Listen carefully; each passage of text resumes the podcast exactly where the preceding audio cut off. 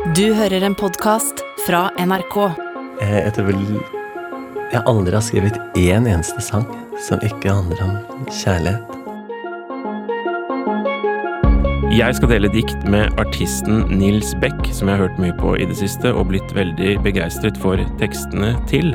Og jeg tror at jeg har funnet et dikt som kommer til å appellere til han, som handler om tapt kjærlighet, blant annet.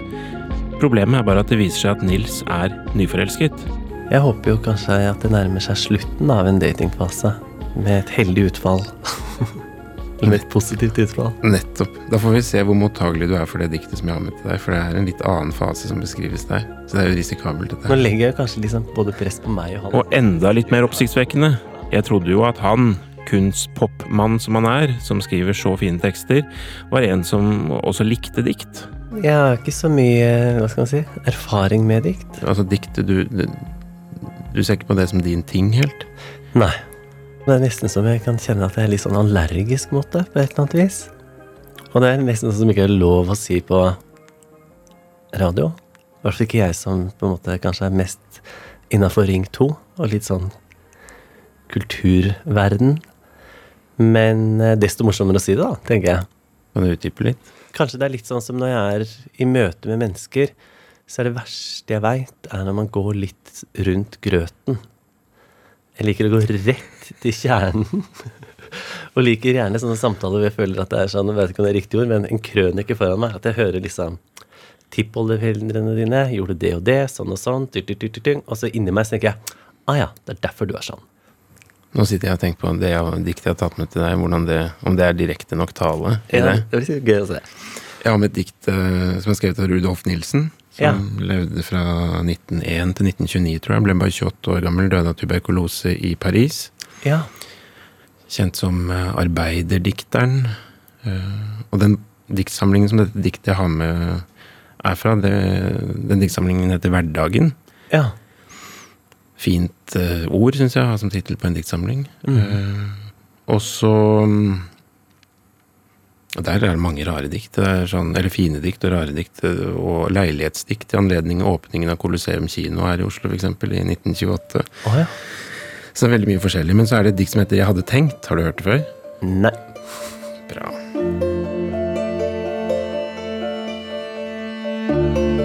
Ok, nå skal jeg lese dikt for deg, Nils. Vi vet at du er allergisk mot dikt. egentlig i det hele tatt. I hvert fall de som går rundt grøten. Mm. Jeg hadde tenkt av Rudolf Nilsen. Jeg hadde sett deg lenge der du kom. For alltid vet jeg det når du er nær. Og hadde tenkt å hilse lett og koldt. Fordi jeg ennu har deg altfor kjær. Slik vil jeg forsvare meg med kulde, og også verge deg på samme vis. Så alle våre nye drømmer skulle, som sene blomster, visne inn i is. Jeg hadde tenkt Men da du stanset med dette hemmelige, gode blikk, og dette fjerne smil jeg vet så meget om, da skjønte jeg at planen ikke gikk.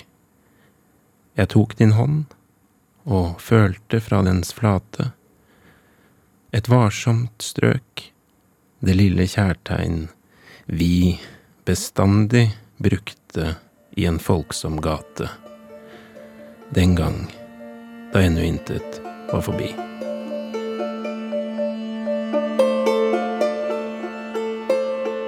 Og det var fint.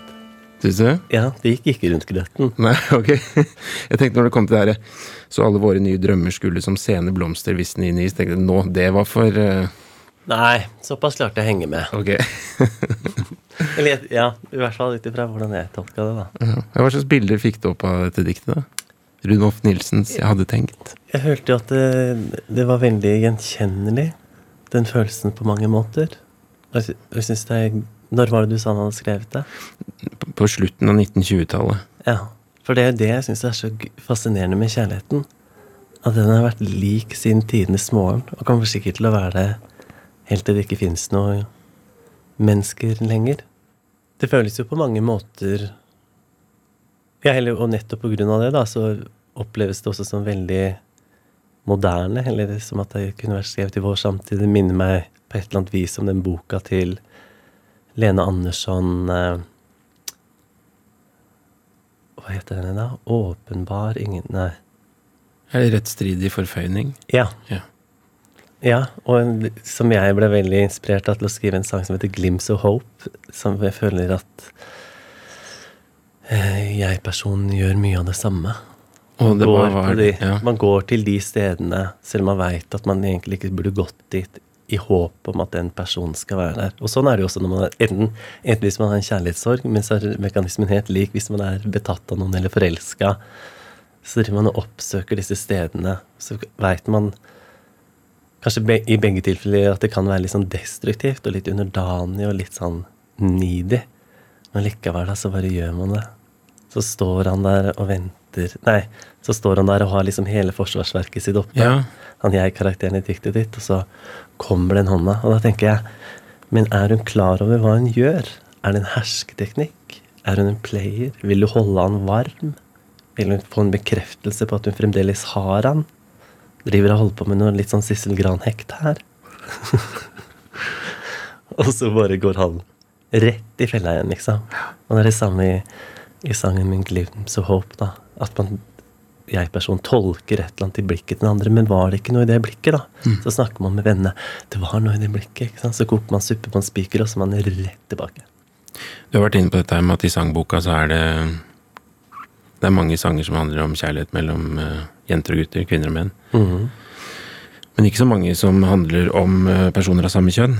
Eller i hvert fall ikke hvor du ikke må lese deg på forhånd for å skjønne at det her handler faktisk om det. Mm. Det er vel bare i hvert fall én sang utenom nå mine i norske sangboka som jeg har klart å få med meg. Det betyr ikke at, det, at jeg sitter med fasiten, men hvor vel Ramón sier 'han' én gang i en kjærlighetssang. Ja.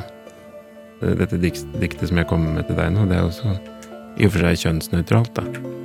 Jeg kan, Så sier gjerne ikke hun, da. jo, kanskje han sier hun. Da du stanset.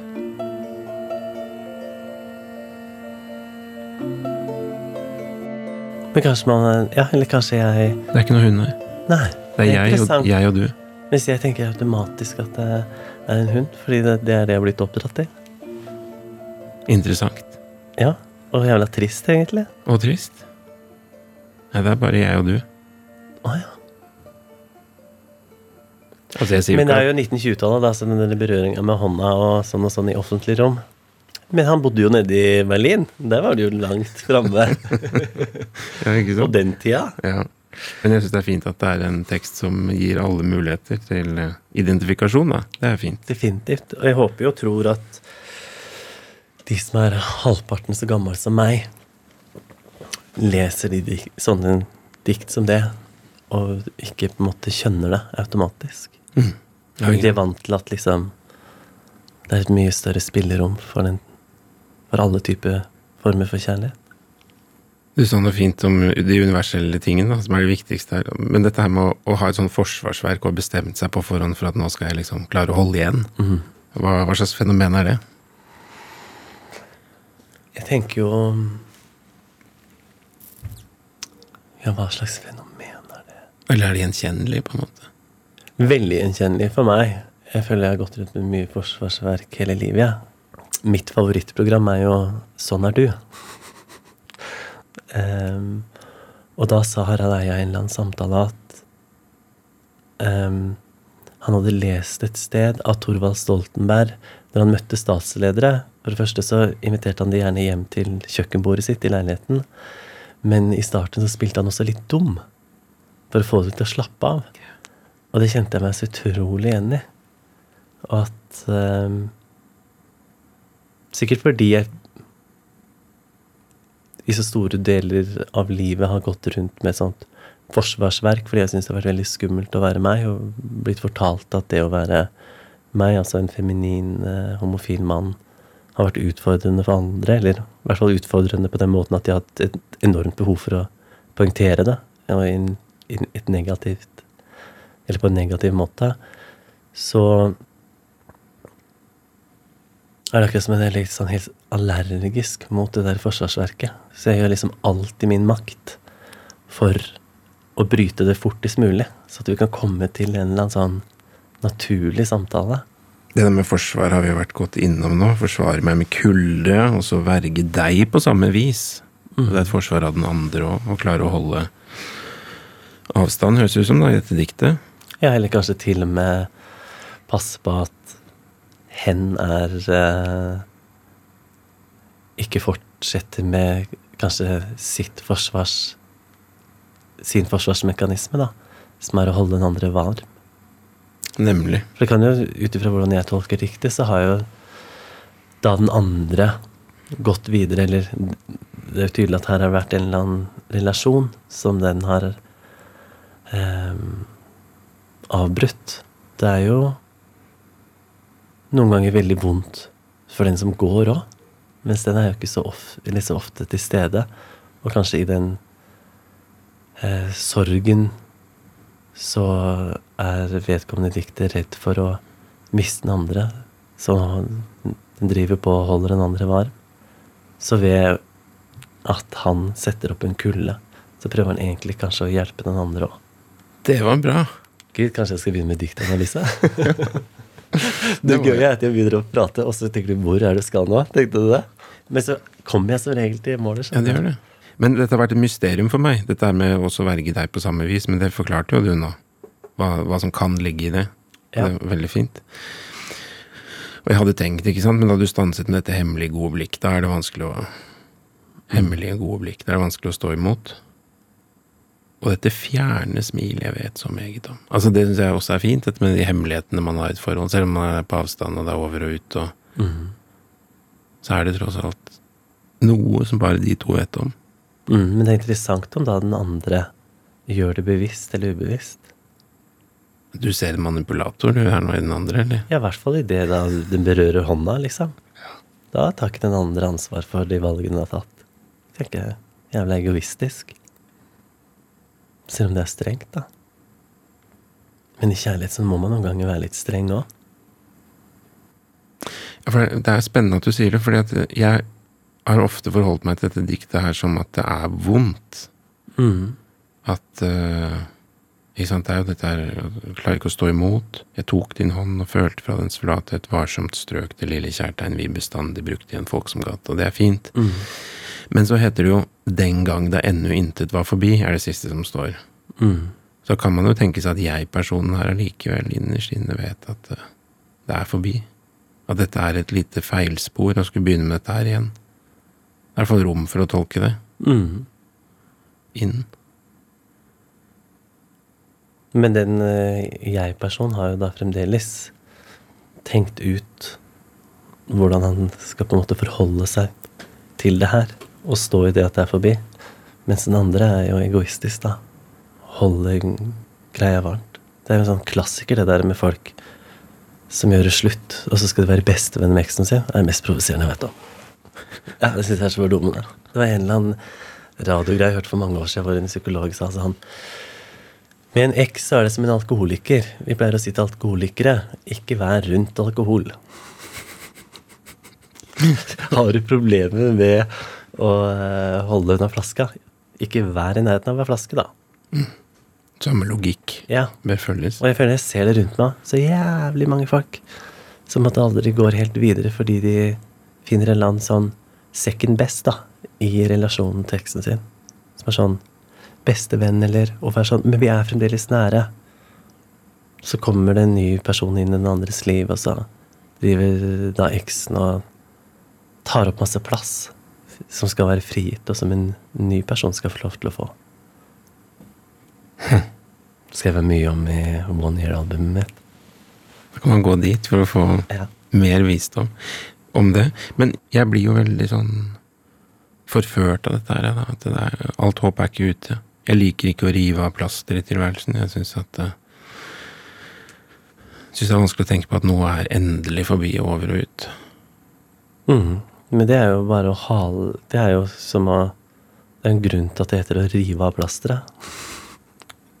Det er noe med å velge hvor Eller i hvert fall kanskje i en sånn her situasjon som jeg personlig diktet er i, da, så er jo han tydelig på at jeg trenger å rive av det plasteret enn hvor vondt det gjør, istedenfor å sitte og liksom dra litt i det, og så plutselig så er det gått ti år, da, hvor du har sittet og fått smulene, liksom. Tenk på den derre nye kjæresten, da, til den derre Til begge de to personene i det diktet. Som driver og merker at å ja, her er det en plass som er tatt. Her er det noen som ikke er revet av plasteret.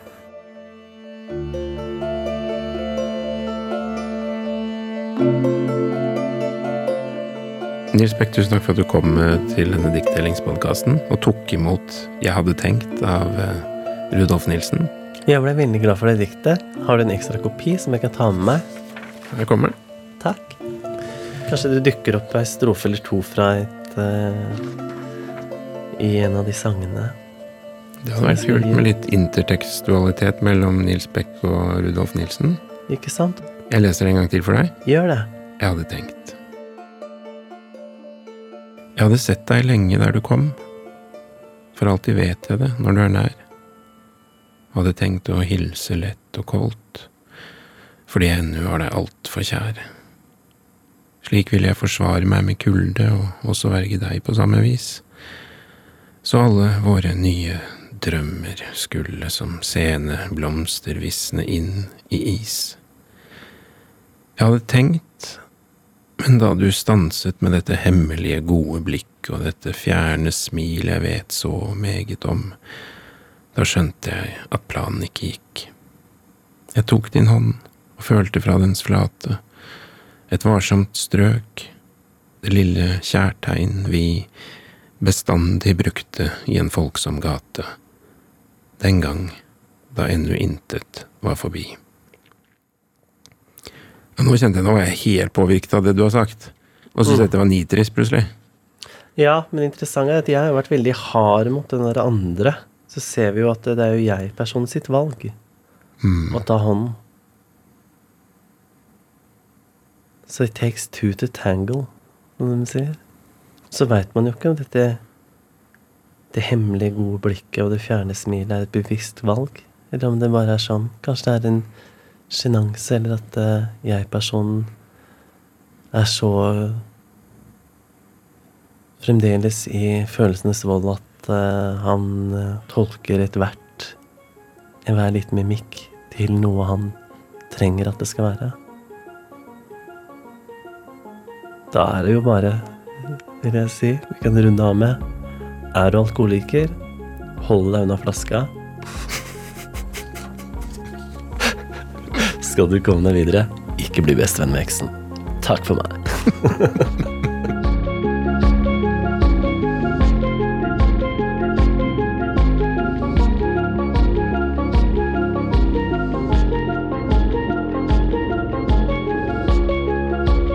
Denne podkasten er laget av meg, Hans Olav Brenner, Kristine Lossius Torin og Janne Kjellberg.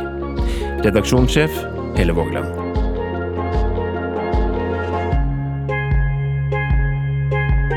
Du har hørt en podkast fra NRK. De nyeste episodene hører du først i appen NRK Radio. En podkast fra NRK. Dette er jo en podkast med meg, Lars Berrum, og deg, Martin Beyer-Olsen. Ja, det stemmer. Der jeg prater egentlig veldig mye, og Ja. så Det Stemmer det. Jeg har ikke hørt deg så mye i det siste. Nei, men nå er jeg oppe og nikker igjen. For Ja, jeg har fått noe hva har du å si, da? Nei, jeg tenker at uh, de filosofiske, endevendende, store tankene Og det mer banale. Da er podkasten Berrum og Beyer snakker om greier noe for deg. Det er i hvert fall vår mening. Berrum og Beyer snakker om greier hører du først i appen NRK Radio.